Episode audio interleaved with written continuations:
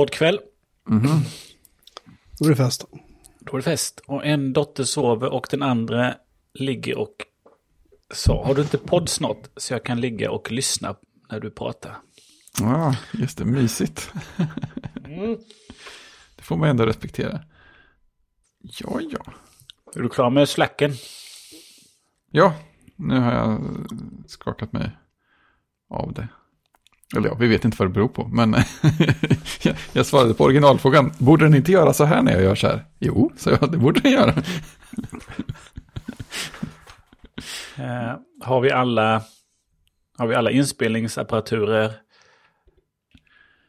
Ja, eh, igång? band, bandet rullar som man brukar säga. Eh, jag tror att jag ska ha avsnittsdokumentet någonstans här också.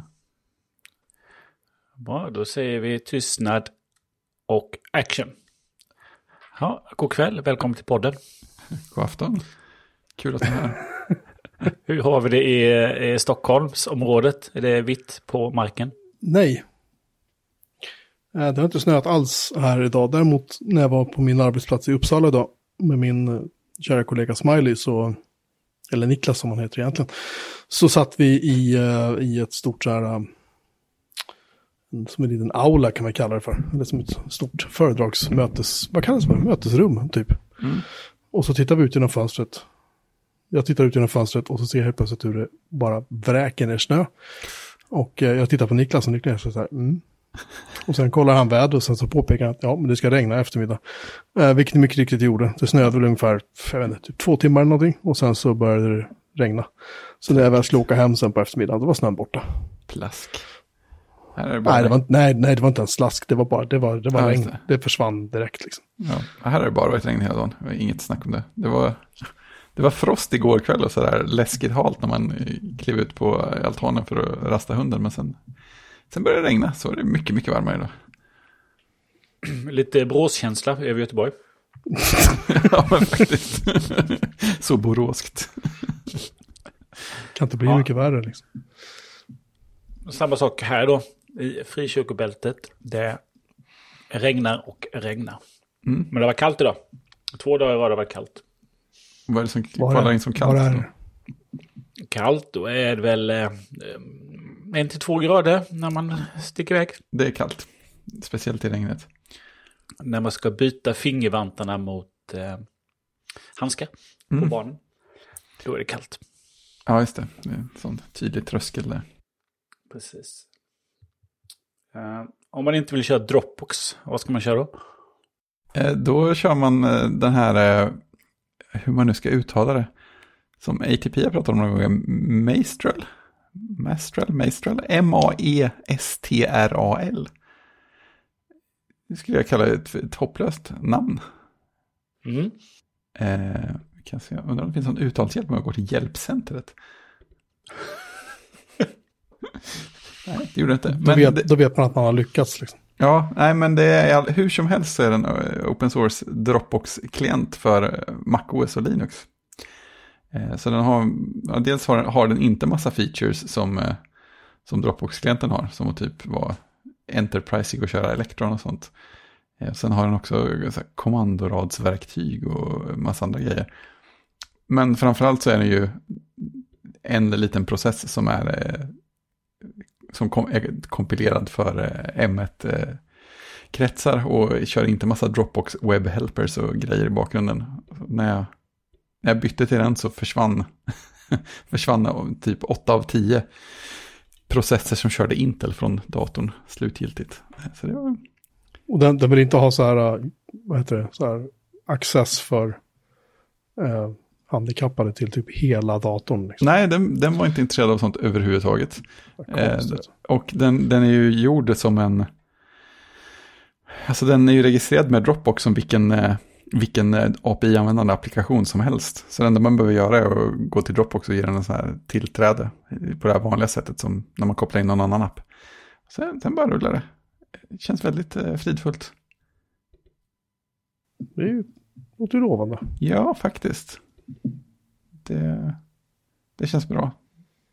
Någon sorts eh, glädjande ljus i detta novembermörker. Ja, precis. Glädjande synk i novembermörkret. Eller hur? Kanske något att eh, titta på för Dropbox egna applikationer är man ju inte så nöjd med. Den vill man ju helst inte ha. Nej, det är, ju- det är ju rätt mycket det. Man vill ju bara att filerna ska synka. Ja, det, och det känns som att den här gör exakt det. Jag tänker det, det som jag möjligen använt någon gång ibland som jag nu har tappat är ju att kunna högerklicka på ett dokument i Dropbox-mappen och säga ge mig en länk till det här. Och det känns som att den, den tillbakagången kan jag ändå leva med. Det kan du väl gå in på webbsidan och göra va? Ja, ja visst, visst. Ja. Men det är ju det är väl egentligen den enda sådana Dropbox jag finessen som finns där som inte finns i som- Mestral. Mastral, ja just det. Mestral. Ja, nej, men det är väl den enda featuren som jag faktiskt använt som jag nå- något litet kan sakna. Men jag känner också att jag kan leva utan den. Hur mycket mindre resurser drar det då? Förutom att vi fick M1. Eh, Nu ska vi se. Aktivitetskontroll. Så skriver vi Maestral. Den har två processer igång. Eh, båda drar 0,0 procent. Nej, nu gick den ena upp. Den ena var på 0,9 procent CPU där eh, ett ögonblick. Båda är där. De drar eh, 68 respektive 66,9 megabyte minne. Det, är- det är typ så här ikonen i Dropbox-applikationen drar den. Ja, precis. Jag gick över till att kolla energi så ligger en strömförbrukning. Vad vad är det för enhet på den tror ni? Eh, strömförbrukningen ligger på 0,0. Den blinkade till i 0,2 alldeles nyss. 12 timmars ström, streck. Förhindra vila? Nej. Så att, eh, ja, jag, jag tycker det känns trevligt. Känns som du kan vara nöjd med det. Ja, faktiskt. Jag, jag är mycket nöjd så här långt. Den gör inget som helst väsen av sig. Och den har en liten sån ikon uppe i aktivitetsfältet om man skulle vilja. Så man kan pausa synkning och se hur mycket som används och sånt. Alltså applikationer som bara gör, gör sitt skit utan att hålla på och bråka, de, de växer ju inte på träd längre. Nej, eller hur? Det är ju helt eh, fantastiskt exotiskt. Då. det är bara för att de där applikationerna ska ju bli något annat då. Ja, precis.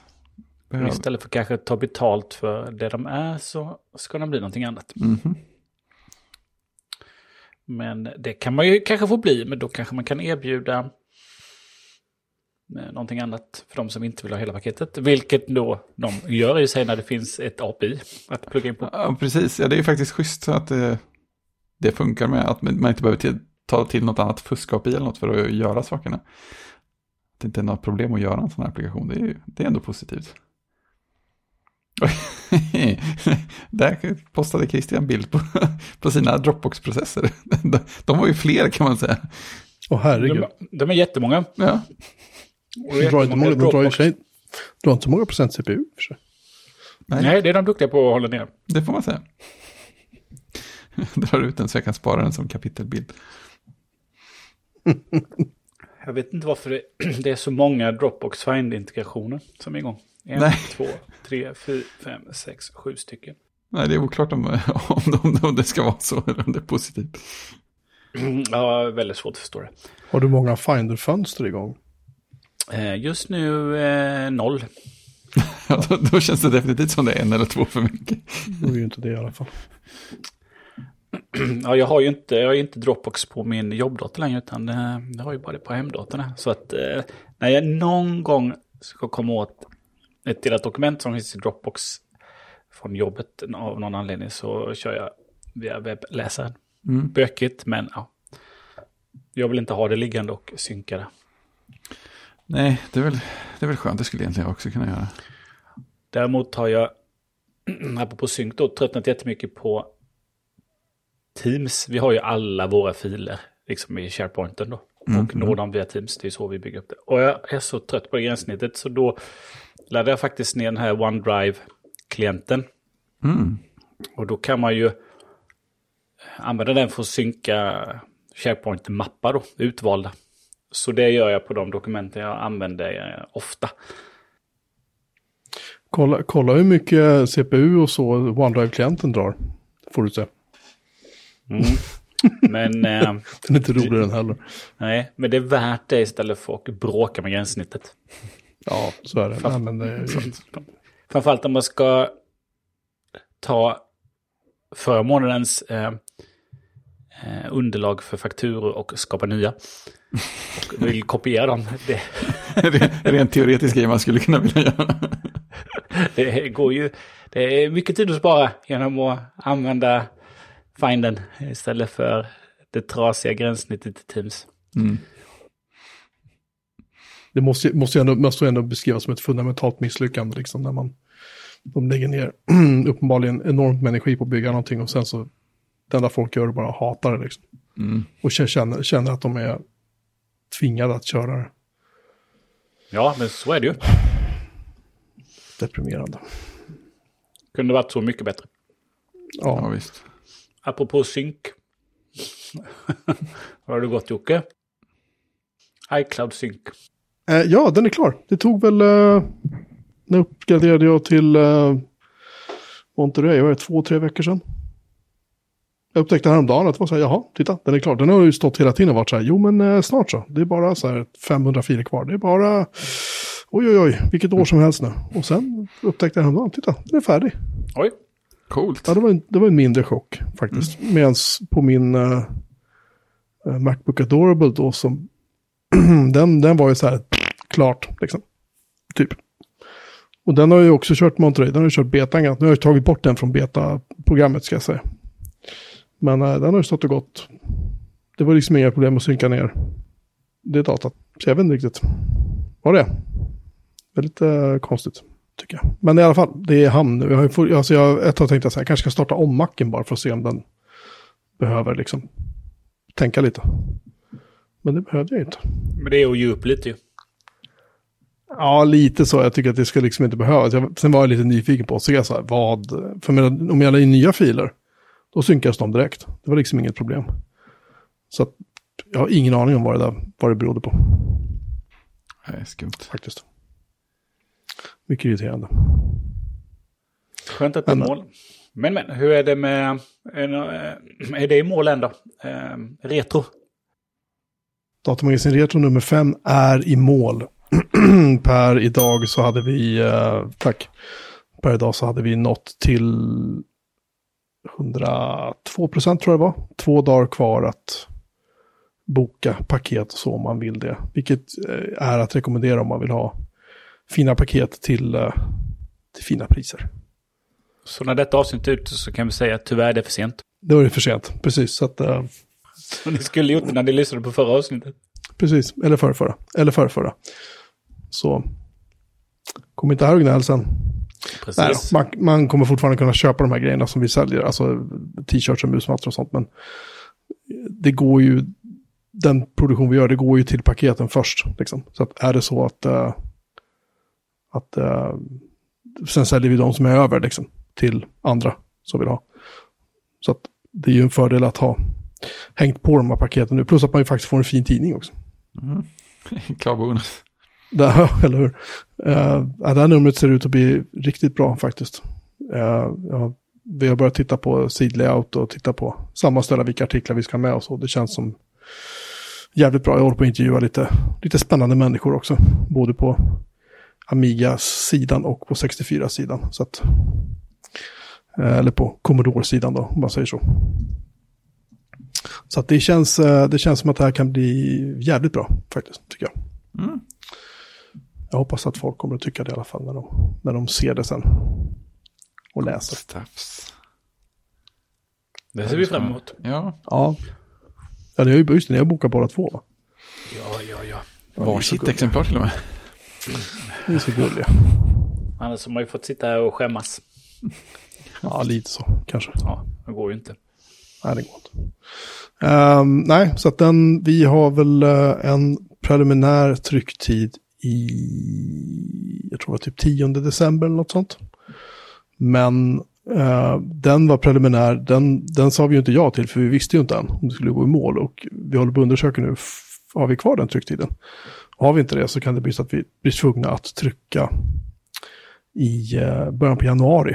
Men vi får se. Mm, Det, vi vet inte ännu. Eh, Det lär visa sig som det så vackert heter. exakt. Eh, Tidningen kommer i alla fall, men vill ju, vill ju hemskt gärna få ut den eh, innan jul förstås. Det ju, hade ju varit det absolut roligaste. Ja, det är klart. Men äh, ja, skitsamma, det, det var det. Det viktiga är att den blir klar och är det så att vi måste trycka i januari då har vi ju ytterligare någon vecka till på oss att liksom slipa och putsa och fixa och sådär.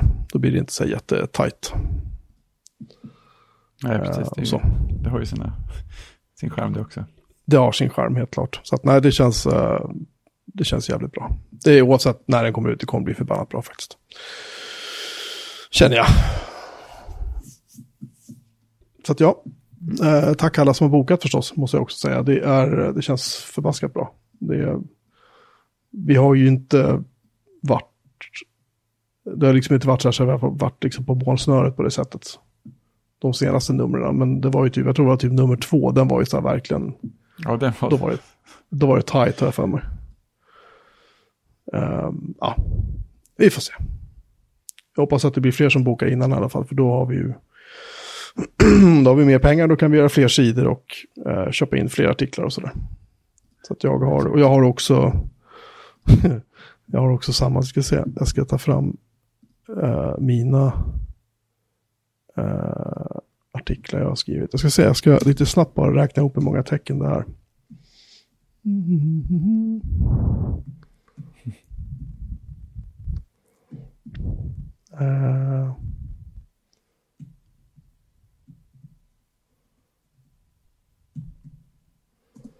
Åttioen tusen tvåhundra tecken.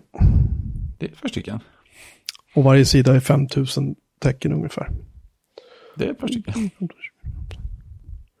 10, 15, 20, 25, 30, 35, 40, 45, 50, 55. 60, 65, 70, 75, 80. Ja, det är väl, eh, vad blir det? Jag kan inte räkna. det blir väl, eh, vad är det, 5 gånger 8, det är typ 40 sidor material. Som jag har skrivit. Sen kommer vi säkert sen kommer vi redigera, redigera ner saker och ting så att det blir lite mer hanterbart. Jag har skrivit en artikel om, om eh, en, en dator, eller det blev om flera datorer, men det blev i synnerhet om en dator. Eh, och den blev ju på 28 700 tecken den artikeln, så det är ju lite så här, den är ju lite i överkant om man säger så. Den går säkert att hyvla ner lite. Eh, men den. Vi får se var vi landar. Det, vikt, det viktiga är att det blir bra, inte att, inte att artiklarna är liksom sådär eh, onödigt långa på något vis. Bara för att de ska vara långa, för det känns som att det, då bajsar vi bara bort sidorna, utan det ska vara, det ska vara liksom kompakt, mycket bra information och kul att läsa och så. Mm. Det är ju det viktigaste. Tycker jag, eller tycker vi. Det, det, det hoppas jag att andra tycker också. Jag tror att de gör det i alla fall. Ja, så blir det. Så blir det. Härligt, jag ser fram emot det. En annan, en annan eh, kickstart, en riktig kickstart då, som är igång. Jocke, Just det. en annan, en annan bok. Ja, just det. Eh, Tell den, upp, den upptäckte jag, ja, den hade ju du sett för länge sedan, var ju du tvungen att påpeka då. Nej, jag såg den Eh. idag också. Ja, ehm, jag har inte hunnit kolla min, eh, min uh, NetNewsWire idag. Ja. Eh, det är en bok som heter The I iOS App Icon Book. Det är precis vad titeln antyder, att det är en bok om eh, iOS-ikoner. Det görs av ett gäng danskar faktiskt. Vilket är ju kul. Och ehm, går man in på deras Kickstart-sida så ser man att det handlar just om, om hur olika ikoner har designats. De har intervjuat folk som designar ikoner. Det är mycket så här, de tittar på ikoner som eh, kanske finns just nu, som har funnits, som är borta. Och de har en bra poäng i det, liksom att just äldre ikoner, de, de försvinner och sen är de borta liksom. ja, det Sådär, är när, tråkigt. när det är uppdaterat. Ja, det är lite, det är lite trist faktiskt. Så att, eh, den skulle väl kosta typ så här 600, 595, 600 kronor någonting. Eh, Ja, och, 60 euro ja. ja, och skulle levereras i, jag tror det var april nästa år eller något sånt där. Februari, ja, mars, april någon gång, jag kommer inte ihåg. Eh, vi har lagt in en länk till den i vårt avsnittsdokument, vår, vår länklista. Eh, jag tycker den ser för jävligt bra ut jag funderar Ja. på att backa den, men samtidigt, jag vet, alltså jag är så här, ah, det är så här bok jag kommer läsa en gång och så är den snygg att ha i hyllan, men Mm. och, och samtidigt då är det skitkul att se, alltså, ah, den där ikonen kommer jag ihåg. Liksom. Men jag kan lite grann tänka så här att nu för tiden när man tittar på ikonerna på sin telefon och på sin Mac och iPad och allt sånt där. Man tänker liksom inte riktigt på det längre. På samma sätt som man kanske gjorde förr. Nej, just det. Det är ju... Hmm. Ja, vissa ikoner tänker man ju på. Alltså som varje gång jag startar Audio Hijack så blir jag ju glad av ikonen. Eh, Det måste jag ju säga. Vad är, det där, vad är det där för telefon du håller upp? Ja, det i- titta, det en iPhone. Min, ja, just, ja, precis. Jag har skaffat iPhone. Jag, jag slutat Nej, det- min det- T68. Det, såg, det såg ut som en typ Samsung eller någonting innan jag Ja. såg klockan. Alltså, oh! Tänkte, vad fan. Vad läskigt det är. Jag hade liksom fingret för Ja, det äpplet. där var... Ja, Det är inte bra. Så gör man bara inte. Det var ju en telefon med en eh, gammal kamerabump. Ja, urgammal. Ja, Knappt, precis. knappt någon bump att tala om. Kamera, ja, vad ska man säga? Kamerahuset. Ja, precis. Eh, nej, men det, det kan jag hålla med. Det är många ikoner man inte tänker mycket på. Ikonen för Townscaper tycker jag är fin. Den tänker jag lite på när jag tittar på. Jag tror att jag inte riktigt tänker på ikoner alls för att jag har en så liten telefon så jag ser dem inte. jag ska, om jag ska vara ärlig. Det är fint ändå. Och så, men sen har de blivit liksom, Ta jag kan väl uppleva att de var lite mer detaljerade ikonerna förr än vad de är nu. Och så tittar man Mm. typ Slack eller på eh, ikonen för eh, Roborock, det vill säga till min dammsugare, det är bara liksom, eller. ICA-banken kanske, eller, jag menar Apollo är lite kul, Toot är ju rolig. Uh, är finare. Home och Enpass, Overcast, ja de där, de, Overcast har sett likadana ut i alla år känns det som. Ja, den skulle ju kunna faktiskt fräscha upp sig lite grann utan att det skulle göra någonting. Eh, jag kan inte säga att jag riktigt har någon... Nej, det är inte många Christian, har du, någon, har du någon ikon du vill lyfta fram, Christian? Eh, en, nej, men det är ju ikonen till Things. Det är snygg. Jag har inte ens, jag har inte ens installerat, jag köpte den ju, jag har inte ens installerat längre, måste jag erkänna. Oj. Nej, men det blir bara inte av. Jag använder, jag använder ju anteckningar för allting, liksom. Handlingslistor och sådär. Det. Nej men alltså det, det är typ NetNewsWire, är, är, är, den är ju snygg på iOS men... Ehm, nej jag vet faktiskt inte. Jag har liksom inga så ikoner som jag känner direkt att fan vad snygga de är. Mm. Jo, jag vet inte, förlåt, där har vi Things. Titta, den är ju här. Eh, ja, den är snygg. Uh, Se voice memos är snygg. Uh, shortcuts tycker jag är snygg. Kompassikonen är snygg. Uh, translate är ju faktiskt lite rolig också. Ja, det är ju mer eh, karaktär på ikonerna jag har på Mac måste jag säga. Test flight-ikonen är faktiskt ganska snygg också. Den är det fin, måste man. Ja. Den är fin. Men annars är det så här, det, det är bara, det är en symbol. Det har blivit mindre Ja, detaljrikedom nu jämfört med förr. Kanske. precis. Det är väl upp, kanske en anledning så god som någon att köpa boken. ja faktiskt. Ja, titta. Ja, Colloquy-ikonen på Mac har ju inte uppdaterats på år och dag. Den är ju assnygg fortfarande. En lila jättedetaljerad jordglob och sen en jättefin eh, megafon framför. Det är den från den gamla eran.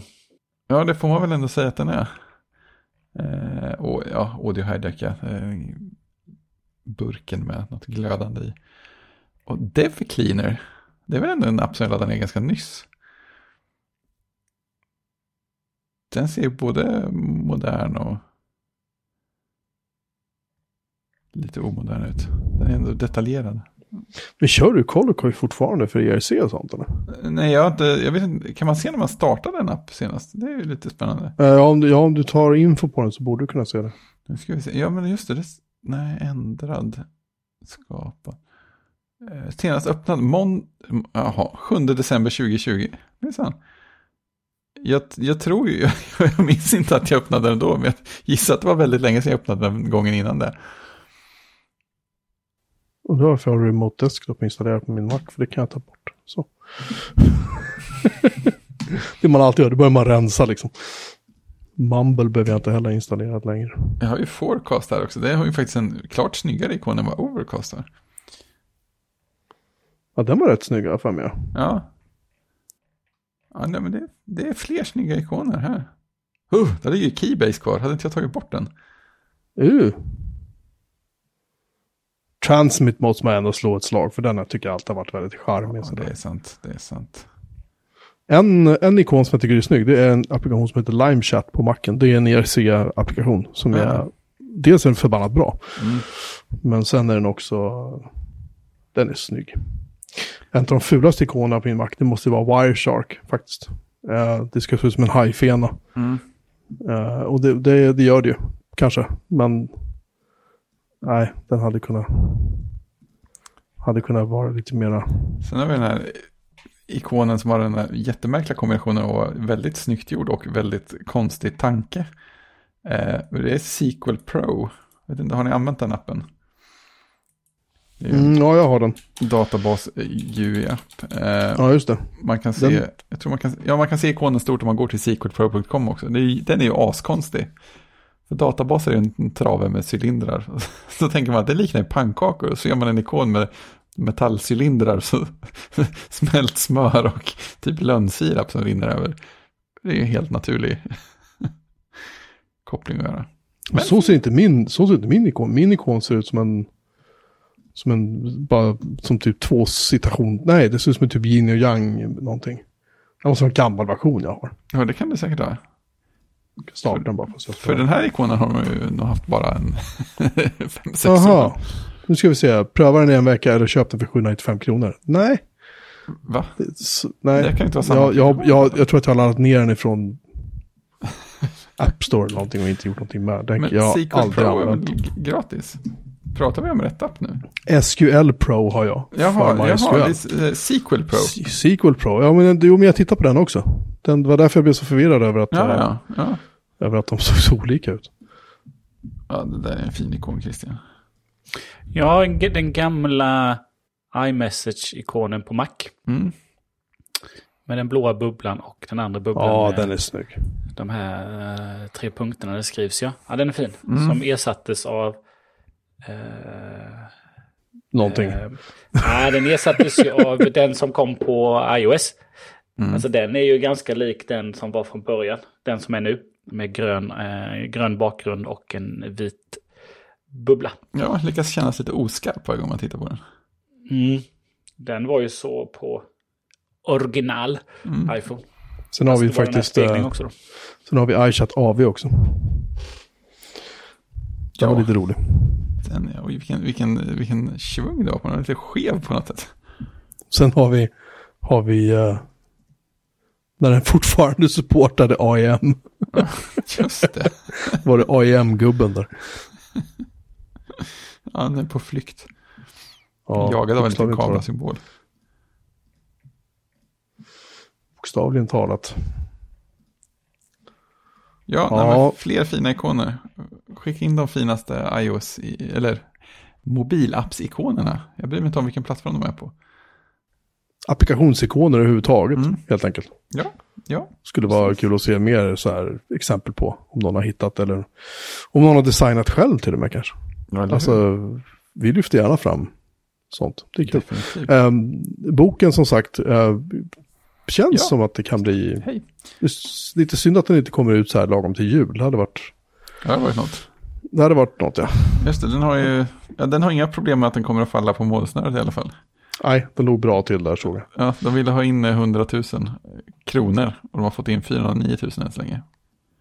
Eh, Det är 31 dagar kvar. Det ska få ordna sig. Du, jag hittade en ikon Den är till. hemma. Ja, Jag hittade en ikon till. Xcode.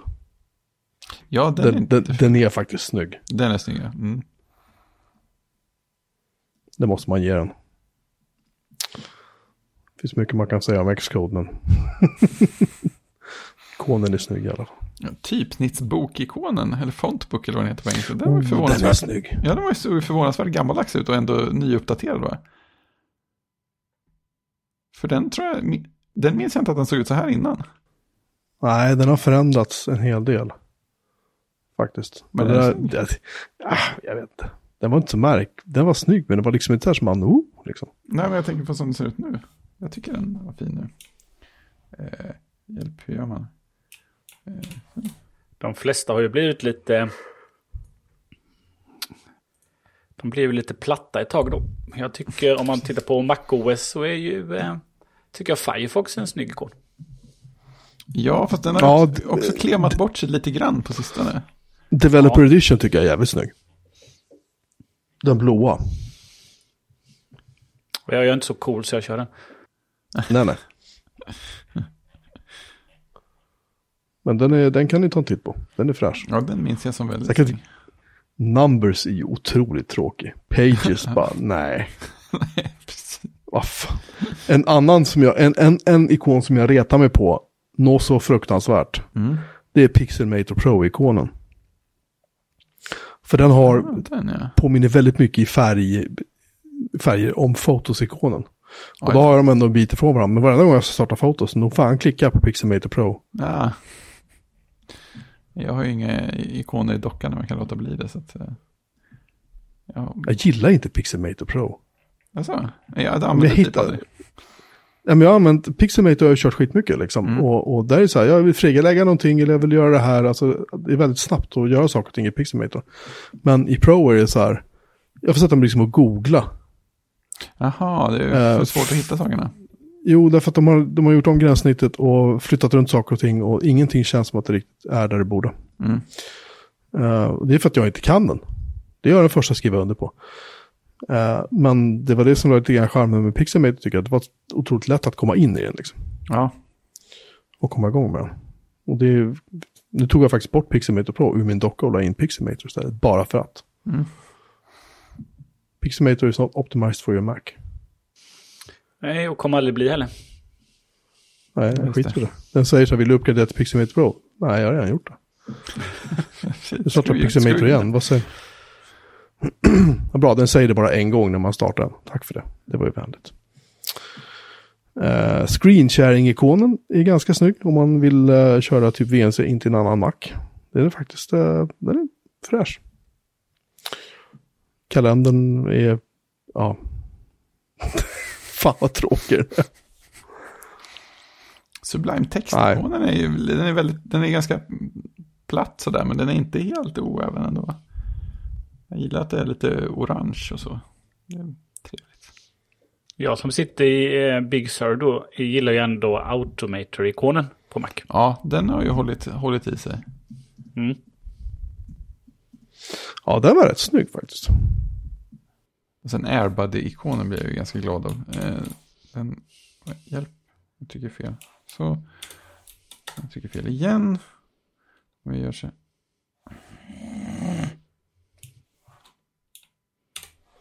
Nej. vad, vad hade jag inte sönder? Så, nu jäklars. Airbuddy. Här. Den, är, den har lite sin egen stil, men den är inte, jag tycker inte den är ful. Man blir glad av den. Ja, den är rolig. Ah, nu ser jag ju, förlåt, nu ser jag ju typsnittsboken där den är lite större. Jo, Mm. den är rätt snygg faktiskt. Den är rätt snygg, men man ser inte riktigt de där detaljerna när man bara tittar på Nej, det, som hastigast. Liksom. det gör man ju inte. Vissa ikoner måste man förstå upp Precis. För att Ja, se kärleken som finns där. Exakt, exakt. Så är det verkligen. Ja, ska vi gå på dagens ämne så här eh, 40 minuter in? Ja, just det. Jag, jag, jag måste bara bryta in mig. Jag vet inte varför jag sitter och tittar på så här Python-redigerare för Mac. Python Men- redigerar för Mac. Ja, men det finns en som heter PyCharm. Ja, det är ju JetBrains va? Är den bra? Den är nog väldigt bra om man gillar Jet- JetBrains idéer. De är ju... Jag har ingen aning. Nej, okej. Nej, men de gör ju, alltså, de, de gör ju sådana idéer för, ja, de började med Java. Eh, och sen har de ju för jättemånga olika språk och miljöer. Det är sådana idéer som har ganska mycket gemensamt tänk. Och många som börjar använda dem eh, tycker att de är det, det bästa som har hänt i idéväg och använder dem typ till allting. Eh, så det är, det är sån här smaksak. Jag använt, jag testade Webstorm ett tag som är deras webbutvecklingsidé. Jag, jag fastnade inte riktigt i deras grej. Men jag är ingen stor Java-människa heller. Och det är väl därifrån de flesta kommer. Eh, det är de som har gjort, eh, ja just det, Android Studio som man utvecklar Android i nu för tiden är ju deras idé också. Det är egentligen ett JetBrains idé det med. Just det. Nej, jag, bara sitter, jag bara funderade ett ögonblick på Mm. vad finns det för någonting egentligen för macken som är liksom snyggt. Mm. Och det man tittar på dem så är det så här, jag sitter och tittar på listan nu så här, så här. Tio bästa och så är det PyDev, PyCharm, Sublime Text, Visual Mm. Studio Code, Vim, Emacs. Ja, För helvete. Alla de här nya, nya spännande produkterna. Ja, Kom inte TextMate in på listan? Vad hette den där som, uh, vad hette den? Coda hette den va? Vad hette den? Den som Panic gjorde? Ja. Ja, den hette väl Code. Nu har de ju Nova istället. ja. Jag minns inte om Nova... Oh, den har en jävligt snygg ikon. Det är klart att den har. Oh, den har en snygg ikon. Jaha, jag måste kolla, jag har glömt hur den ser ut. Panic. Pan. Och så har de en, och gå in på panic.com och kolla deras ikoner. Ehm, Oh, de, har, de har en som heter Nor, Play with your food. Om man håller musen över den så roterar, deras do, roterar en donut där. Det var... Fan vad snyggt. Oj, oj, oj, oj. ja, den är sjukt fin. det Ja, det det där. där var ju eye candy. Kolla ljuset hur det renderar när det snurrar. det är för jäkligt. Fan vad fräscht. Typiskt Ja, sorry. Panic. Ett eh, sidospår. Eh, ja. Våran, eh, våran, eh, våran poddfyrer Christian här försöker få oss att följa schemat. Det är som, att- det är som att handla med skock dagisbarn. Precis. Typ så. Eh, ja. Jo, eh, jag har ju blivit med en Mac till då. Just det. Jag börjar få problem här nu för jag vet, jag vet inte vad jag ska göra av dem längre. Eh, riktigt. Jo, så här är det. Ehm, I vår kära chatt så har vi en, uh, en av våra lyssnare som kallar sig för Eggsy. Just E- Och han pingade in i vår kanal och sa tja, jag har en 27-tums iMac från 2013 som jag vill ge bort, annars går den på tippen. Det, det är något knas med den, typ, den hänger sig. Så jag eh, var ju inte sen att säga, ja men för fan, jag kommer hämta den där så. Och så åkte jag och hämtade den nu i helgen. Eh, och störde honom i hans morgonkaffe också gjorde jag, för jag tänkte att mitt han sa att han skulle börja slänga sopor och tänkte men då var han igång när jag kommer ner. Så jag var nere vid typ så halv elva eller någonting. Eh, Så var det inte riktigt. Eh, Men han var, han var- ytterst vänlig och eh, lämnade över macken och tangentbord och strömsladd och ville till och med ge mig en Magic Mouse. Jag sa nej, nej, behåll den du. Jag har Det så vill räcker. inte jag ha. Nej, men han, han kör ju Mac. Han är en bra person så jag tyckte det var Ja, ja. bra att du behåller den. ja, det är dumt att man inte kan styra sin Mac längre.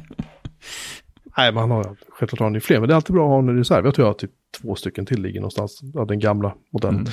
Hur som haver, så, eh, och den här var liksom i kartong, jättefräsch. Så jag kommer hem och så tänker jag så här, ja, vad ska jag göra nu då? Ställer den på köksbordet och så börjar jag kolla guider, så här, hur får man upp den här? För jag diskuterade med min gode vän Anders på Datamagasin. Han hade reparerat en 2012 27-tummare, tror jag att disken rasade. Mm. Och han sa att skärmen hölls fast med magneter. Stiligt. Så var inte fallet på den här. Från och med 2013 och framåt så har Apple kommit på att vi limmar fast skärmen istället. Ja, det tycker man är skönt. Mm. Så att jag började läsa lite guider och gick in på iFixit och kolla. Och så tänkte jag att ja, men jag har ju lite typ verktyg som ser ut som de här. Från diverse andra reparationer av typ iPhones och sånt. Så jag började sakta men säkert försöka få loss skärmen. Och jag lyckades. Jag fick faktiskt loss den. Och ehm, eh, fram med dammsugaren. Eh, för att en sån här dator suger i sig en hel del damm. Det är ju fullständigt ofrånkomligt. Eh, och eh, dammsög den, plockade ut den trasiga disken. Dammsög den lite till, plockade bort CPU-fläkten och dammsög där. Där satt det ju liksom hur mycket skit som helst. Och sen så um, monterade jag in en 1 terabytes SSD-disk, en Samsung. Um, och den är 2,5, den passar ju inte riktigt in då. Så att jag fick så här, jag satte fast den med en massa eltejp.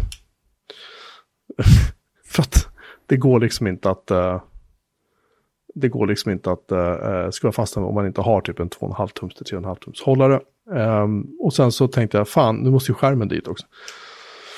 Så jag gick in på nätet och hittade ett företag som säljer sådana där i Sverige för typ så här 115 kronor. Så här, alltså lim, klisterremsor som man ska sätta då mellan skärmchassit och eh, skärm, skärmen och datorchassit.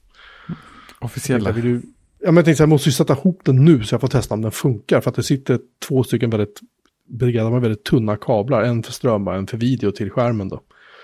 Eh, och de där, när man tar loss den där måste man vara så här sjukt försiktig, och det var jag. Men man vet ju aldrig liksom. Eh, för när du öppnar iMacen så, alltså du får upp den några centimeter bara, sen ska första kabeln loss. Så att den är ju, den är ju verkligen inte gjord för att servas. Men eh, så jag tänkte, ja, men jag tar fram värmelimspistolen då. Så jag hittade en av mina värmelimspistoler som jag fick av mina barn, den är rosa. Och värmelimmet, i, som de stickorna som jag fått med innehåller då glitter förstås. Ja. Men jag tänkte, skitsamma, jag prövade. Så att jag drog eh, limsträng runt om eh, och satte fast skärmen och så fick den ligga en stund på, på matbordet med skärmen uppåt så att säga. Och sen så reste den upp och tyckte, ja, den sitter ju. Glitterlim, det är ju stiligt ändå. Ja, eller hur. Den sitter inte superbra. Det blev faktiskt lite, den kom lite på snedden. uh, ja men det är skitsvårt faktiskt. Ja, det, ja, men det har jag ju hört att det är assvårt alltihopa. Um, så att jag, när jag får de här limsträngen, lim, vad fan du kallar för, tejpsträngar, vad ska jag kalla det för. Så kommer jag ta loss skärmen och göra om det, ta bort värmelimmet. Och, för du måste också rengöra efter de gamla, de här tejpsträngar som Apple har satt dit. Och de sitter, vissa sitter jättelöst och andra sitter ju som gatan liksom. Så det måste jag ta loss och göra rent ännu mer noggrant. Men hur som helst, jag startade upp den. Uh, och den, den började så här, den började bota direkt. Vad fan är det här nu liksom? För de här SSD har ju suttit i en av mina HP mikroservrar som jag håller på att sälja iväg ett gäng nu. Jag har sålt en faktiskt.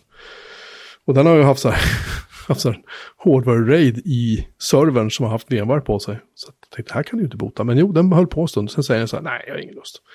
Så att jag lyckas få igång där internet recovery och så laddar den ner eh, MacOS. Vad blir det nu? Innan Big Sur. Jag kommer inte ihåg vad den heter. Ja, innan Big Sur. Ja, innan Big Sur.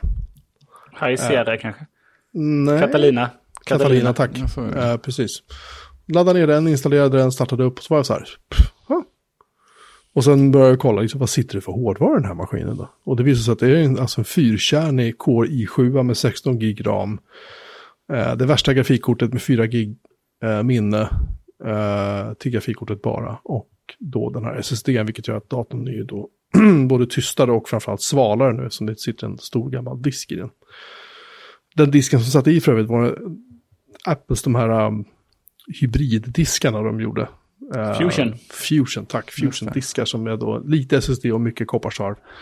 Och sen skötte operativsystemet om var den skulle placera datat då för att det skulle bli så.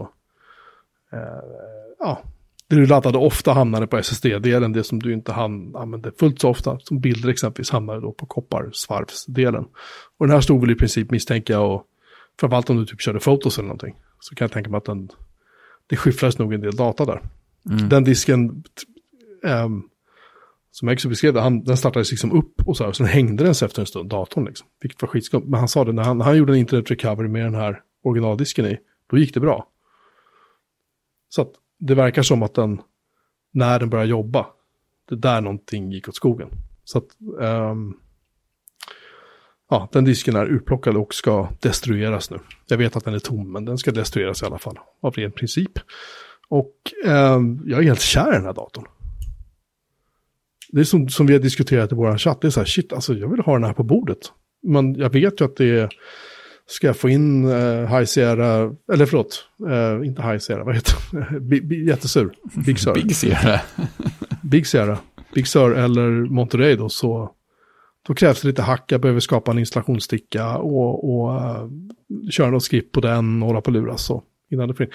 Anledningen för övrigt till att den här maskinen då inte stödjer de här nyare versionerna, vad jag förstod, vad jag läst runt lite grann, det är att den här Fusion-disken ansågs vara för långsam.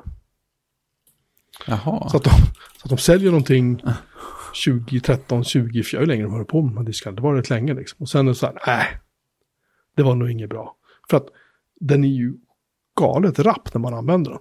Eh, och visst, när jag satte igång och synkade ner så här, allting från iCloud, jag installerade massa programvaror, jag synkade eh, messages, jag gjorde allt som var så här, alltså mycket, plus då att Spotlight och indexerade hela disken, allt det där höll på. Ja, då gick processorn igång ibland, liksom. Det gjorde den. Fläkten. och då, eller förlåt, fläkten, tack, processorfläkten. då började den, då började låta, och jag blev så, vad fan är det som låter, liksom? För jag hade den i köket på köksbordet. Mm. Uh, köksfläkten igång, ah just det.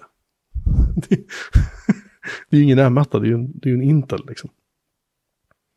Men liksom designmässigt är den ju otroligt vacker. Jag har närt en dröm i många, många år om att ha en iMac på skrivbordet. Eh, men nu har jag en fantastisk skärm från Dell som absolut inte är, är lika snygg för fem öre. Och så har jag den här fantastiska Mac Mini under den. Så att um, jag är lite kluven på vad, faktiskt, vad jag ska göra med den här datorn. Uh, om jag ska typ ge den till någon släkting eller det tar emot att sälja den liksom. Jag tycker så här, har man fått någonting. Mm. Jag vet inte varför, jag bara är sån. Har man fått någonting så det tar emot lite grann att sälja någonting man faktiskt har fått. Liksom. Även om jag la tid på att åka och hämta den och jag har reparerat den och bla bla bla. Liksom. Så det känns inte rätt. Så jag får se vad jag gör. Uh, min mamma kanske behöver en. jag kanske kan få tillbaka min 15 tums Macbook Pro av henne så kan hon ta den här istället. ja, för det är lättare att förvara en Macbook Pro. Ja, i alla fall i, min läge, i min lägenhet är det definitivt. Hon har ju plats. Precis. Ja, men de är ju, det är ju, jag sitter ju på årsmodellen ovanför där då, 2014. Fast du har, 5, du har 5K-skärmen också. ja, 5K-skärmen kommer då. Mm. Den är men, ju en vackrare. Men, men det är någonting jag reagerar på när jag satt framför den här iMacen och den var igång. Och jag satt och, och grejen att jag satt i köket och tänkte att jag ska bara liksom installera upp den lite grann. Jag tror jag satt där i typ två timmar. Och bara klickade runt och bara kände och var så här, men den här känns ju inte slö. Den här känns inte alls, alltså, jag skulle starta typ system preferences på det. Det var så här, det var ett hopp på ikonen så var den igång. Det, det är som min M1 liksom. I mångt och mycket. Mm. Sen vet jag att M1 är väldigt bra på mycket, mycket annat. Framförallt också har den ju ingen fläkt så att den är tyst. Men bara den känslan jag fick av att eh, använda den när jag väl hade satt mig typ börja kompilera upp eller bygga mina sajter då med, med Python och sådär. Eller inte Python, förlåt, Ruby. Um, och det var så här, ja men det här känns ungefär som min Mac Mini gör. Så att, jag vet inte, skulle jag ställa den här på bordet då har jag en 32-tumsskärm och en Mac Mini M1 som jag inte vet vad jag ska göra av. Alltså det här, det här är ett sånt otroligt löjligt, det här är inte ett problem. Men nu har jag den här fina datorn här och jag vill ju definitivt inte göra mig av med den. Liksom. Jag vill inte att den ska försvinna ur mitt liv. Nej, liksom, hur löjligt den låter. Ja. ja, men det är just det. Ja, liksom, och ungarna behöver inte ha den. Min, min äldsta son var så här, åh, kan jag få den där? Jag bara, men den här är alltså långsammare än den speldator du har nu. Ja, men den är så snygg. Mm. Han blev helt kär i den också. Men jag försökte förklara för honom att, ja, nej, det här är ingen speldator liksom. Den är inte så bra på det. Nej, det kan man väl ärligt säga. Ja, men det är det som är lite, lite tråkigt med dem då. Det sitter ju... Eh, det är en fantastiskt fin eh, 1440-skärm det här i då. Det är ju som deras, deras 27-tumsskärm de hade. Ja, den du, som du var Ja, precis. Den som eh, gick på Tradera sen nu. Det är ju liksom den kvaliteten och så glasskivan framför då. Så det är ju väldigt trevligt att sitta framför.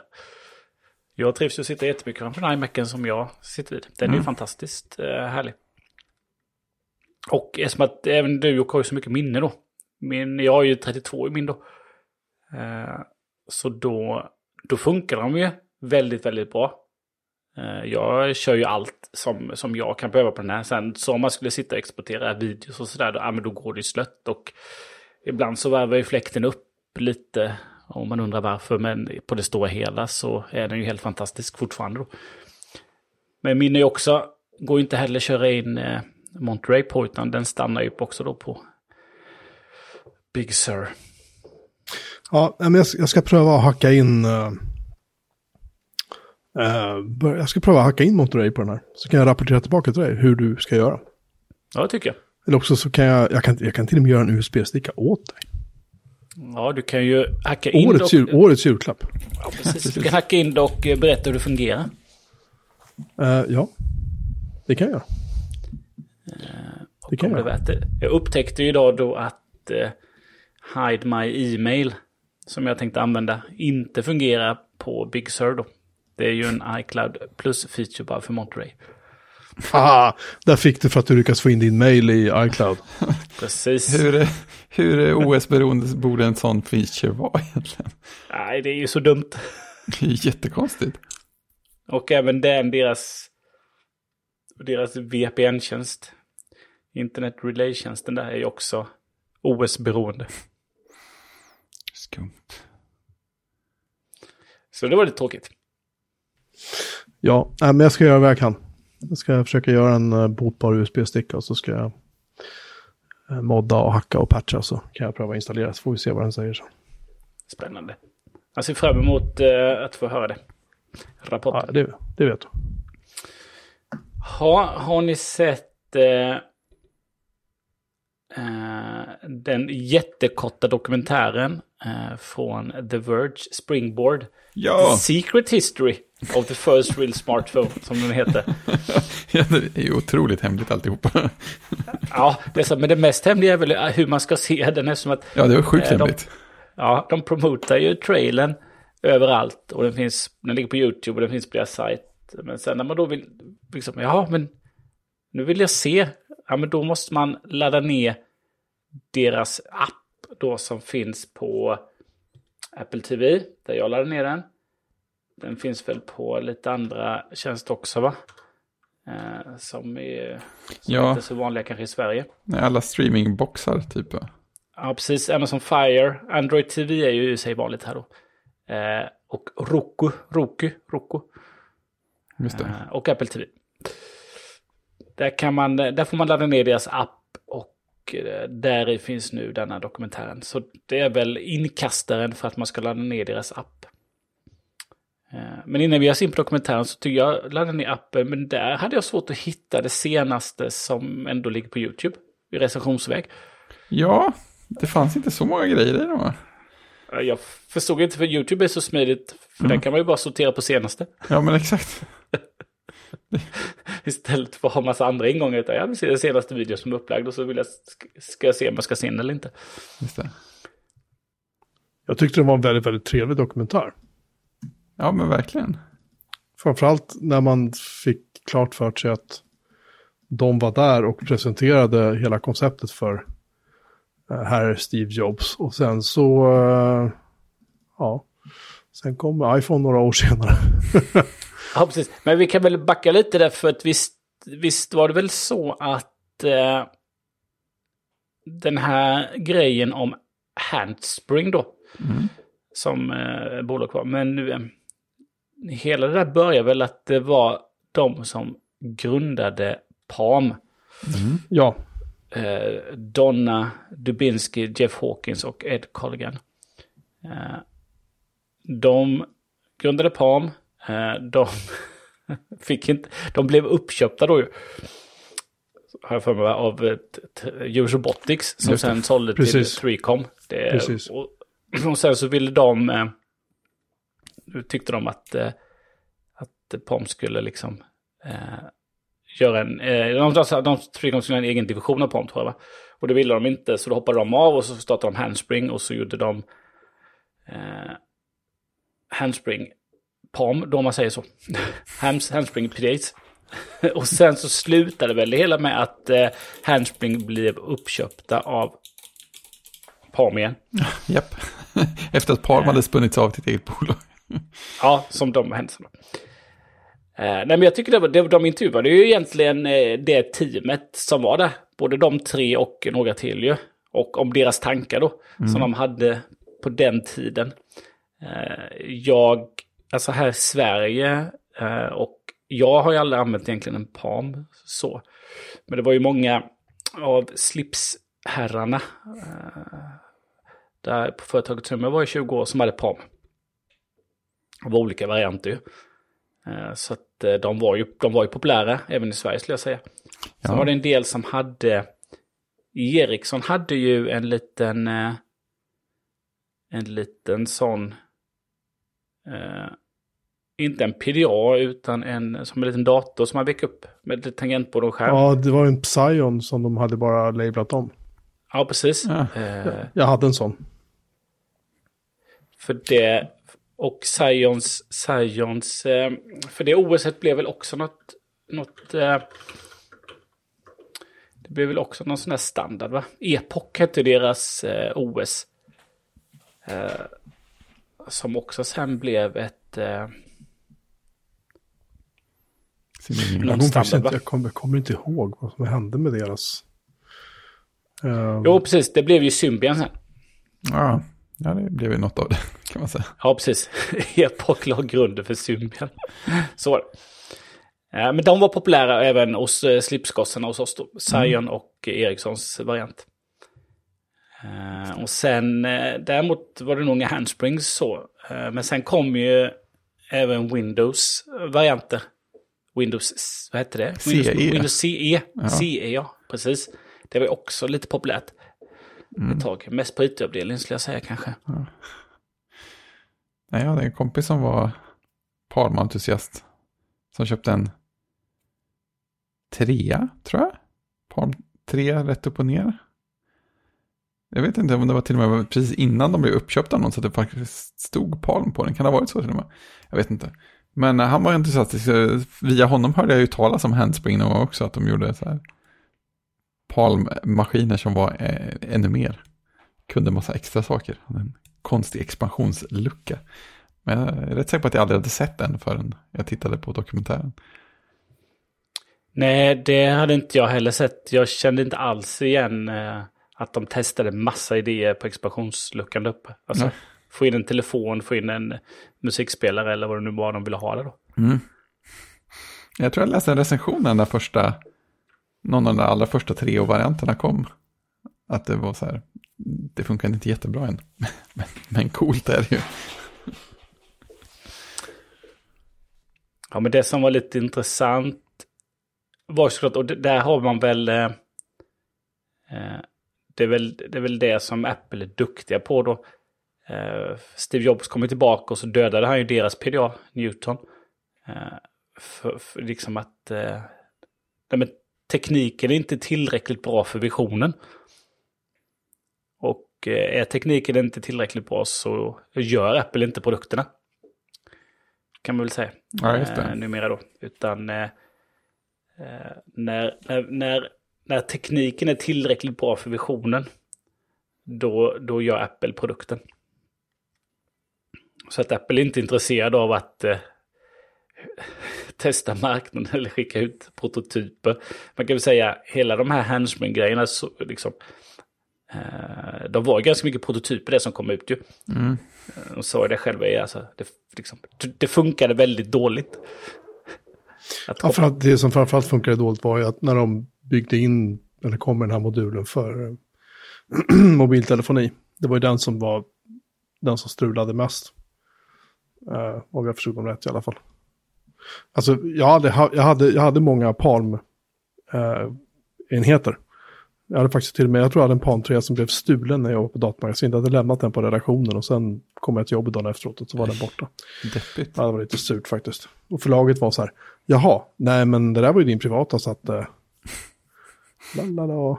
eh, men däremot minns jag när jag, jag jobbade på IDG innan dess och då hade flera av eh, de som jobbade på Macworld, svenska Macworld, där det fortfarande var en, en riktig tidning. Med, med riktigt innehåll. Eh, de, några av dem sprang runt med handspring. Och det jag mindes var så att jag förstod inte riktigt grejen varför de ville ha en sån istället för en palm. Och sen minns jag att jag tänkte så här, fan, jag tyckte den var ganska ful med den här plasten. Men jag insåg ju nu i efterhand när jag såg dokumentären, den här halvtransparenta färgplasten, det var ju, så, det, det var ju en iMac faktiskt. Lite grann. Ja, det var Samma- en viss sån look. Ja, lite grann samma stil liksom. Men det, hade jag, det fattade ju inte jag då. Nej. det fattar jag inte fram tills nu heller. Men de svor ju vid de här Mm. handspringarna. De var ju, det, var ju liksom, det var ju det shit, det var det du skulle ha. Punkt slut liksom. Men det var väl lite så här, var det inte lite så att de hade så här, lite mer av allt eh, spesmässigt också än vad Palm-enheten hade? Ehm, ja, de hade ju, jag vet inte, men det, det jag vet framförallt att hade de ju den här expansionsporten då, som det ju faktiskt var i praktiken. Mm. Det var ju det som gjorde den het liksom. Där, Ja. där kunde du ju stoppa in moduler för, ja, som de visade i den här dokumentären då. Ja, nu är det en MP3-spelare liksom. Mm. Kamera? Kamera. Säkert inte varken bra MP3-spelare eller kamera, men, Det får du jämföra med. men eh, exakt. Men, men grejen var just att den, Ni kunde. att den, att den fanns liksom. Mm. Det är ju jävligt häftigt. Så att de var ju, de var ju före i sin tid. De ville göra grejer som dåtidens liksom, teknik faktiskt inte kunde leverera. Nej, Det riktigt. måste man ju vara ärlig och säga. Eh, men och sen, ja, sen kom ju börskraschen och de hade, jag tror de hade, de hade väl börsnoterats, va? var det inte så? Jo, det sa de med. Och det gick väl åt helvete. Så det Ja. bara visslade om det. Så att, kan man väl också säga. Mm, de, eh, de börsintroducerades i juni 2000 då. Mitt i, mitt, mitt i bubblan kan man väl säga. Tråkigt läge. Och tre år senare så blev de uppköpta av Palms hårdvarudivision då. Där hade de ju delat upp Palm i hård och mjukvara. Då. Just det. Och sen försvann väl det där mjukvaran iväg till HP och Japp.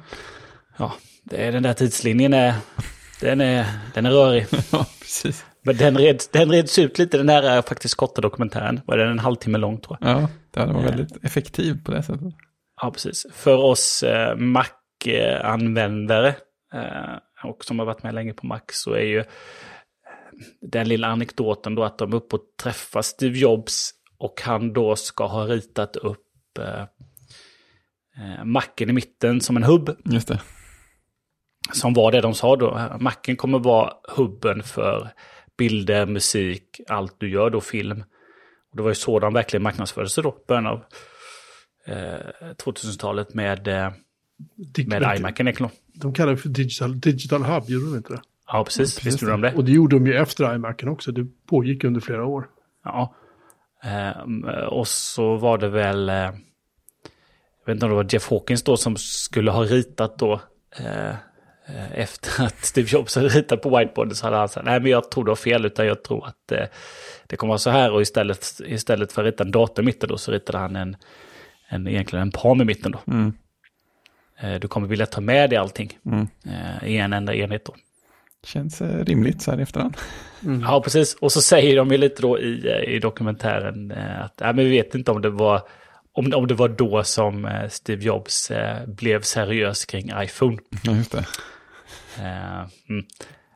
Men eller så kan det mycket väl ha varit i deras, även i Apples tank och många andra tank hela tiden, att ja, men det är klart, mm,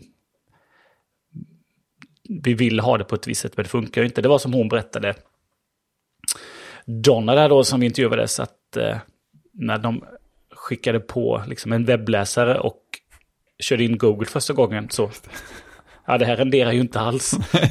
så då fick de ju besöka Google och berätta att eh, det här lirar inte. Ja, och då löste Google det då. Så att den kunde läsas in i, i de små skärmarna då. Så att, ja, såklart, de var ju för sin tid. När Apple sen gjorde Safari på första iPhonen, ja men då, då läste de in det som det såg ut, fast väldigt litet. Ja, det funkade ju faktiskt. Eller nära i alla fall. Oh, oh. Ja, men så fick, och så hade, var det en, en, en, en dubbel, dubbel touch på skärmen, så zoomade man in där man ville vara då. Det var ju så de löste istället då, innan det blev responsivt helt enkelt. Eh, och nu har det gått så långt så att istället så designar man många webbar med responsivt i åtanke istället.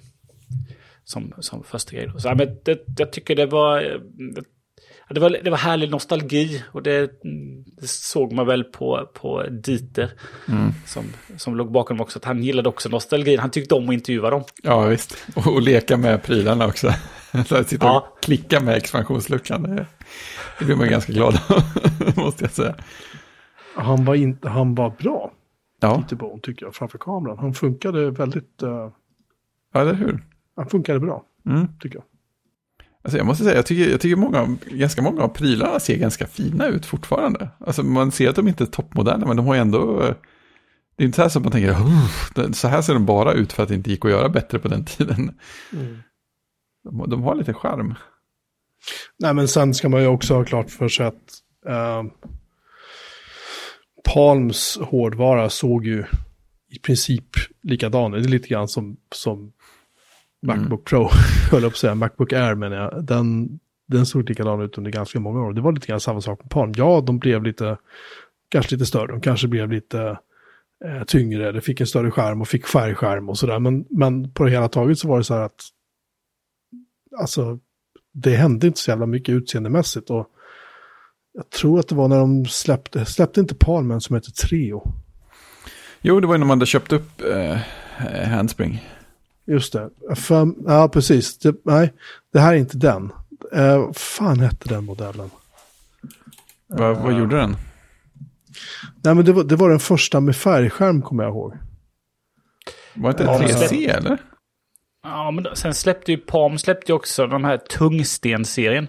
Precis, tack. Det var den jag tänkte på. Det var tungsten jag tänkte på. De fanns ju i, eh, de fanns ju i T-serie. Just det. T, T2, T3, T5. Och den var ju, precis, här är den. Tack. Den hette Palm Tungsten 2 hette en modell i alla fall. Vi ska titta på bilden här. Man kan den. köpa batterier till Tungsten E2 för 99 spänn på Batteriexperten. Wow. Undrar varför. Eh, första tungsten, precis, den kostade så här från 199 till 300 dollar, just det. Den var ganska dyr och den hade 65 536 färger på en LCD-skärm, 320 x 320 pixlar. Den kommer jag ihåg att jag testade, jag fick in den på datamagasinet och testade, men då hade det lite blivit så här att eh, ja, jag ville ha en liksom, men så. Och sen vet jag att just tungsten T, kommer jag ihåg, den testade jag också. Eh, och den, den kunde man liksom skjuta för att få den här skrivplattan då för, för, att, spela här, för att skriva graffiti som det hette. Mm. Då kunde man skjuta, eh, skjuta dra ner liksom hela knappsatsen så dök graffiti-brädan upp så att säga. Så man kunde sätta igång och börja rita och sådär. Det var lite fräscht. Och det gjorde också att den blev mindre när man sköt ihop den igen jämfört med de andra tungstenmodellerna. Det är lite fränt. Så jag kommer inte ihåg. Jag tror, jag und, det kan ha varit så tungsten att den T eller T2 ehm, att det var den sista som släpptes i Sverige. Så till och med. Eh, för jag vet att sen, för jag tror T3 kom tydligen, den kom 2003, sen kom T5 kom 2004. Och då, som jag minns så hade vi problem att få tag i testexemplar för den här. Och få tag i, det ska jag också säga, få tag i testexemplar för Handspring var eh, helt omöjligt för oss svenska Mm, medier. det kommer jag ihåg när jag var på IDG och även, jag kommer inte ihåg om det var så att det var på datamagasin också. Uh, ska se här. Handspring Company. Jag kommer inte ihåg liksom när de släpptes de här modellerna. Det var det som var det som är mitt problem. För jag, mitt mys. Just det, Handspring 3 kom 2002. Och sen kom 3 och just för de hade ju några med de här. Eh, Visst hade Handspring några med inbyggd mobiltelefon sen. Vad hette de? De hette Trio. Men det var inte någonting, va? tre år. Precis. De gick inte att få tag i överhuvudtaget i Sverige. Och de gick definitivt inte att låna hem heller. För test. Mm. Och vi ville testa dem på datamagasin, det kommer jag ihåg. För vi gjorde, jag gjorde en smartphone-test här för mig. För jag tyckte det var så otroligt häftigt. Det Men problemet problem med många med de här modellerna var ju så här att även, jag hade ju flera Nokia Communicator privat. Och de ser ju så jävla balla ut. Liksom. Mm. Men som telefoner är de ju rätt miserabla. Eller var, för de var så tunga liksom. Och bärarna var ganska stora. Och skärmen var alldeles för liten och tangentbordet var ju rätt kass. Jag hade någon sorts vision om att så här, shit, nu kan jag typ så här, kan jag typ så här telnetta. Wow, så här, över GPRS och det var så här, jo men det var väl kul typ en gång. Tills, tills du ville skriva något tecken i Linux som inte fanns, typ tilde eller någonting kommer jag ihåg, som inte fanns på det här tangentbordet. Det var något sånt där, det var något tecken i alla fall. Ja, Och det, och det, var, så, det var sjukt irriterande. Men så att jag, i alla fall, jag, jag gjorde ett smartphone-test. Jag kommer inte ihåg vilket nummer det här var. Men, men eh, jag kommer inte ihåg vem som vann heller faktiskt. Det kan ha varit communicatorn som vann. Men, eh, och då ville vi få in just eh, den här, bland annat. Vi hade även, nej förlåt, det var QTech. QTech 2020, det var Windows-baserad. Så var det. Som vann. Och den köpte jag privat sen. Den var faktiskt bra. Sorry, jag minns fel. Uh, QTech 2020 hette den. Den var, den var riktigt bra faktiskt. Hur som haver. Uh, Handspring hade ju liksom ingen närvaro riktigt i Europa på det sättet. I alla fall inte i Sverige. Uh, vid den tidpunkten. Då. Så att, det var synd. Mycket synd. Skitbra dokumentär tycker jag. Heja heja. De var väl för små. Ja, men som hade inte muskler riktigt. Plus att luften hade lite grann gått ur PDA-marknaden när det började komma just så här lite halvsmarta telefoner. I början var det ju i princip bara Nokia Communicator som fanns. Den första Communicatorn var ju... Jag kommer ihåg att den var med i filmen Helgonet. Det var då, det var då jag såg den. Jag såg den och tänkte så här, åh, ganska underskattad film förut. Och då såg jag och tänkte så här, fan den där vill jag ha. Liksom. Åh, vad häftigt. Fastän de typ fejkade ju allting i filmen vad den där kunde göra liksom. Mm. Men det spelar ingen roll. Så att jag hade faktiskt en sån. Så här, och den, var- den, var, den var precis så dålig som, jag, som man kunde misstänka. Um, sådär. Ja men du vet, mail, det var så här, nej. liksom. det, jag tror att det kunde, det fanns nu Communicator 9000 tror jag hette, som var en senare modell. Men där var det också typ, IMAP, nej, nej, nej, det, det är POP 3 liksom. Varsågod. Ja, jag, min, jag minns säkert fel i de här detaljerna, men, men jag kommer ihåg att jag hade, jag köpte en sån här communicator, kan det vara communicator 9000? Uh, ska se om det, om det var en sån. Ja, det var det. En Nokia 9000 communicator hette den. Den köpte jag, det köpte jag ungefär när den kom ut, har jag för mig. Eller det var 9210 jag köpte. 91. Det var någon där, någon i den vevan i alla fall. Och den var väl, det var väl kul en stund. I alla fall. Ja, hur som helst. Satt en AMD-processor i. En, eh, ARM, en ARM-baserad eh, risk, eh, ARM-baserad, ARM 9-baserad, förlåt, på 52 MHz, 16 meg minne. Hade 9210. Ser man på. Och 9210i, hör och häpna, som det släpptes 2002, fick 40 meg internt minne, kunde streama video och stödde Flash 5 i webbläsaren. Oh, Det var hett. sjukt hett. Ja, just det, Val Kilmer hade Nokia 9000, jag hade han i Helgonet-filmen från 1997 kom den. Hur som haver. Ja, det man kan säga sen, vilken av de här, liksom använder man en Ericsson med Symbian eller körde man någon, någon Nokia eller vad man nu körde. När man väl första gången använder då en, en iPhone sen och läser sitt mail där i. Så bara, jaha, vilken skillnad. Det är det så här det kan vara. Det minns jag, alltså när jag, oj, det är så här jag kan läsa mailen i telefonen. Ja, och nu så vill man helst inte ha mejlen i telefon. precis när man har gått vidare. ja. Nu, ett, nu kan jag ha det hela tiden, nu är det ett straff. Nej, men vi, vi, vi, kan väl, eh, vi kan väl avsluta med att säga att eh, det är faktiskt en trevlig dokumentär. Det är bra intervjuer. Eh, och eh, det är lite, lite skön nostalgi för oss som var med på den tiden. Exakt. Eh, fast man måste, man måste då ladda ner The Verge App som finns till eh, Android TV, Apple TV, eh, Ja. etc. Fast, kan- fast jag, tycker, jag tycker inte den appen var superdålig. Nej, det var det inte. Nej, den, nej, den var inte superdålig. Det Nej, är det- bara att man är, man är van att plocka det från YouTube eller Ja, det att man åtminstone kunde ha- ladda ner en app på typ en iPad kanske. det, det, det hade jag ju väntat mig. Kanske till och med på en dator, men det hade varit för galet. Hörni, jag måste flika in en sak till gällande Nokia Communicator. Mhm. Vet, ni vad den hade, vet ni vad den hade för operativsystem? Communicate, vilket år är det vi pratar om nu? Ja, 9110 Communicator pratar vi om nu. Den kom ju... Jag vet inte när den kom. Är det för tidigt för Symbian? Eh, det är inte Symbian, det är, det är GOS. GOS? GEOS och det fanns också... Alltså är det typ Eh. 64?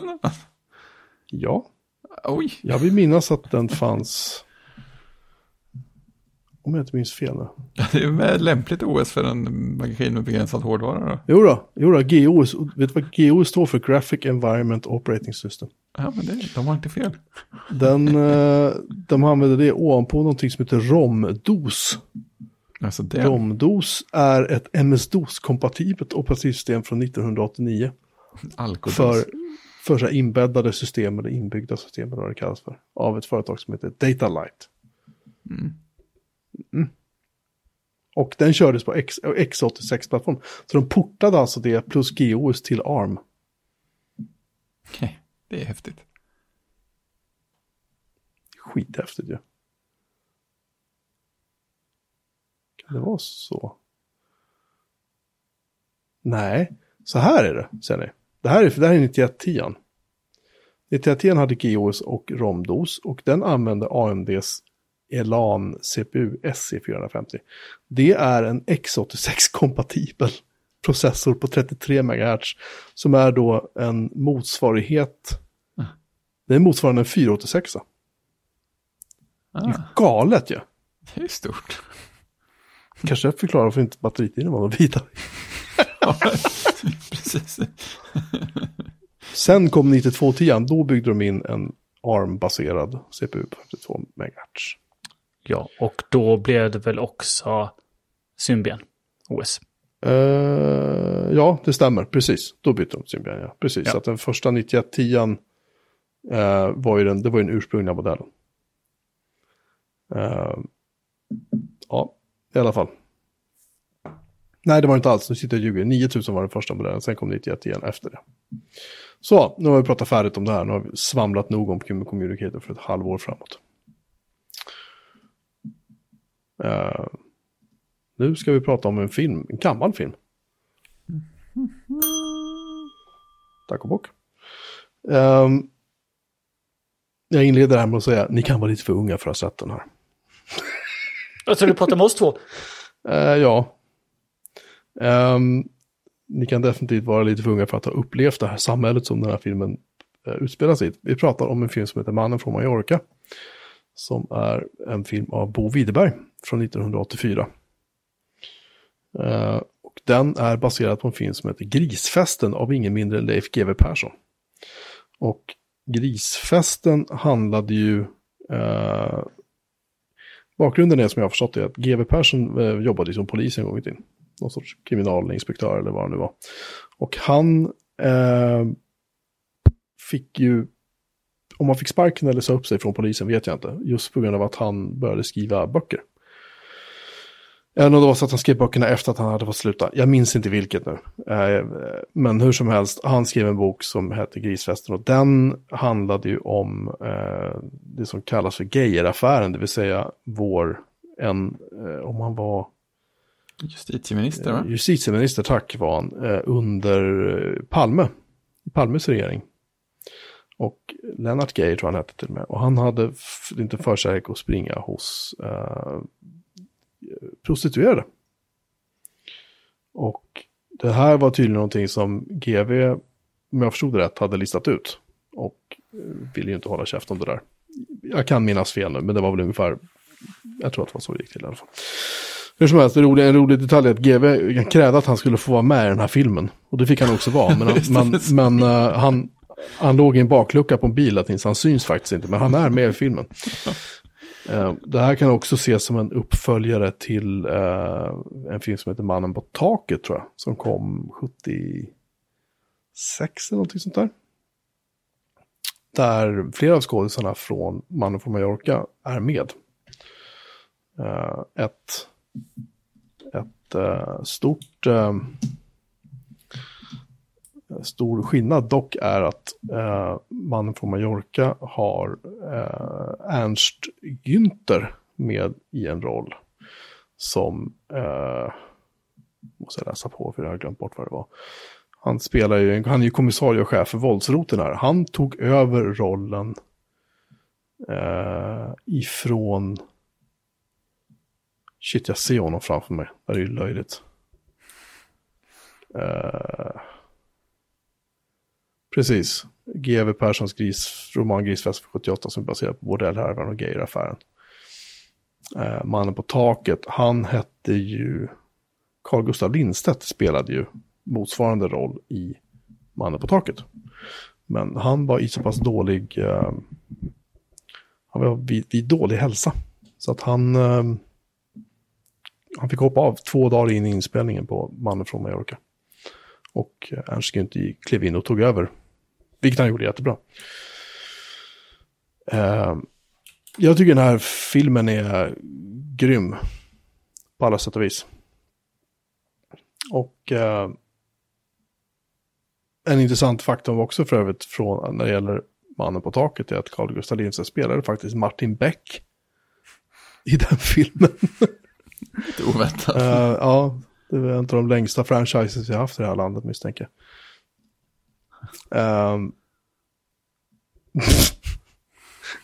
uh, Mannen på taket ska ta sig om. Det är ganska, ganska mycket roliga, intressanta faktum. Där bland annat så ville han ju då ha uh, att det skulle vara uh, blod då.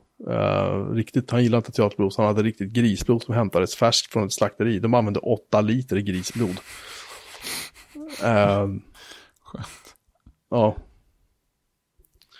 Och Widerberg själv fick filma, en, eh, filma den här helikopterkraschen då som var i den filmen. Uh, Försäkringsbolagen sa att nej, det här är för farligt att filma på här. Och så Widerberg själv fick film, filma sekvensen med en handhållen kamera.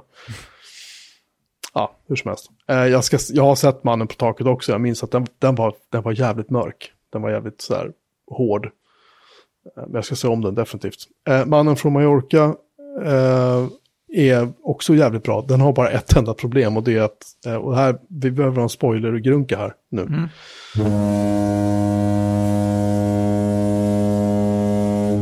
Eller om vi klipper in den efteråt. Hur som helst, Mannen från Mallorca har problem och det är det att de löser inte brottet. Det blir besvärligt. Utan, ja men det, det är lite så här, de, de vet typ vem som gjorde det men de kommer inte åt honom. Ja, just det. För han är, är uh, Geijers livvakt. Och därför så kan de inte komma. Och sen är det lite så här uh, folk i, i, i skuggorna liksom som integrerar för att sabotera den här polisutredningen och det försvinner bevismaterial och man får aldrig riktigt veta något mer. Och det på ett sätt så gör det ingenting, för på ett sätt så blir det bara som att man, det är en film man går och tänker på väldigt länge när man har sett den.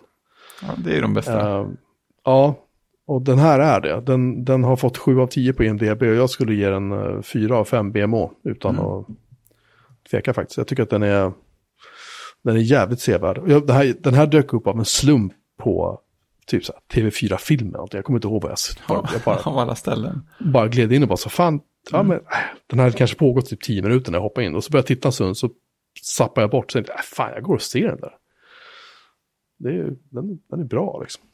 Sven Wollter är med och eh, Thomas von Brömsen är med. Och, det är massa så här tunga liksom skådisar. Mm. För de som såg varuhuset kommer att känna igen då Rico Rönnbäck. Han som egentligen heter Rickard Nils Gösta Rönnbäck ser jag nu, det är lite roligt. Han lever fortfarande. Charles Ingvar. Shit, han har, gjort rösten, han har gjort en röst i Dumbo 2019. Det är lite roligt. Han var med i tv-serien Skilda Världar, förlåt. Han var med i tv-serien Varuhuset, ja, just det. Så var det. Ja. Det blev lite omständigt det här, men hur som helst så se den bara, den är jättebra. Gert Fylking är med i Mannen från Mallorca också, det är lite roligt. Ja, bra grejer. Dan Ekborg spelar en man som blir nedslagen på posten. Det, det kan ju vara sevärt. ja, precis. Men man måste, man måste börja någonstans. Det är sant. jag tycker det är bra. Och Johan Widerberg som faktiskt visar, han har ju etablerat sig som en väldigt bra skådis. Han spelar faktiskt uh, Thomas von Brömsens son i den här filmen. Han kan inte ha varit många år då. Nej. Ja. I alla fall. Sen har jag inte sett så mycket mer tv och film. Jag vet inte om ni har gjort det. Jag har inte orkat med, med att ge mig på min B-filmsamling ytterligare faktiskt. Det, det, får Jag kan ha full förståelse för det. det får anstå ett tag till liksom. Helt rätt. Nej, jag kan inte säga att eh, jag eh, har sett så mycket heller faktiskt. Som är värt att eh, prata om. Alltså en, en grej som är rolig med Mannen med Mallorca som jag bara måste tillägga det är att det är jävligt kul att se för att de, de är inne i Stockholms innerstad och filmar hela tiden. Och man känner liksom igen, så man känner igen att, ja ah, men vänta nu, det där är ju typ Odenplan. Och där är, ju- ja fan det är ju Odenplan, fast Odenplan för Ja, snart 40 år sedan. Liksom. Mm. Eh, och vissa saker har inte förändrats alls. Det kanske är annorlunda reklamskyltar och det är annorlunda liksom så. Och, bilarna är ju nyare och sådär. Men det är fruktansvärt mycket som är, är sig likt liksom. Vilket jag tycker är Det är skitroligt. kul. Ja. Det är väldigt kul. Alltså, om man är intresserad av det kan jag faktiskt rekommendera. det är en film som eh, Klubb Super 8 gav ut för en massa, massa år sedan. Eh, Klubb Super 8, det, är- det är en, som namnet antyder, en filmklubb. Jag vet inte om de finns fortfarande, men då fanns de. Han som layoutade datamagasin Retro, Andreas, eh, var inblandad i den. Så jag, jag, jag fick en massa filmer av honom som klubben hade gett ut. Och de gav bland annat ut en film som heter Rapport från Stockholms sexträsk som filmades på 70-talet. Och den är så här extremt suggestiv. ehm, där det, de pratar med, de intervjuar prostituerade, de intervjuar, det ska vara en dokumentärfilm typ. Så det är liksom inte någon porr. Mm. Uh, men, men Club Super 8, de hade ju en väldigt stor förkärlek för typ B-filmer och sådär och liksom ganska uselt gjorda filmer. Mm. Uselt på ett kul sätt. Och de, eh, där filmar de just mycket, mycket så här eh, bilar som åker genom Stockholms innerstad på 70-talet. Mitten, slut på 70-talet. Och det är skitkul att se. Det var egentligen därför jag tyckte det var så roligt att se den. I övrigt så är det mest så här kvinnor som dansar framför en grupp män. Och under långa stunder så filmar de bara mörka silhuetter på de här männen som bara står där och tittar. Och sen filmar de kvinnan en stund och så filmar de de här männen igen. Och det är så här, den är helt vansinnig. Mm. Uh, den får typ 0,1 BMH av fem möjliga i kvalitet. Det är tidsdokumentet den får poäng för. Det är tidsdokumentet som är intressant. Mm. Uh, så att, det är inte så att jag rekommenderar, men tycker man att det är kul att titta på gamla Stockholmsvyer och sådär. Det här var ju när Klara kvarteren tror jag fortfarande stod, bland annat. Mm. Alltså, mm det som senare revs för att bli Hötorgsskrapor och diverse annat elände. Mm. Ja, jag ska se om jag kan hitta en länk till den. Ja, det hoppas jag. Viktigt. Just i titeln så här, Stockholms sexträsk, jag tycker det är så mm. otroligt. Det är hårt. Ja, det är hårt. det verkar som att det faktiskt finns på YouTube till och med. Sådär. Ja, hur som helst. Det är en dokumentärfilm från 74 ser jag nu. Just det. Ja, regissör, producent och fotograf är en kille. Det låter ju lovande. Ja, det brukar bli bäst så. den går att köpa på Ginsa för 59 kronor på DVD. Oj. Japp. Bara omslaget är ju helt underbart.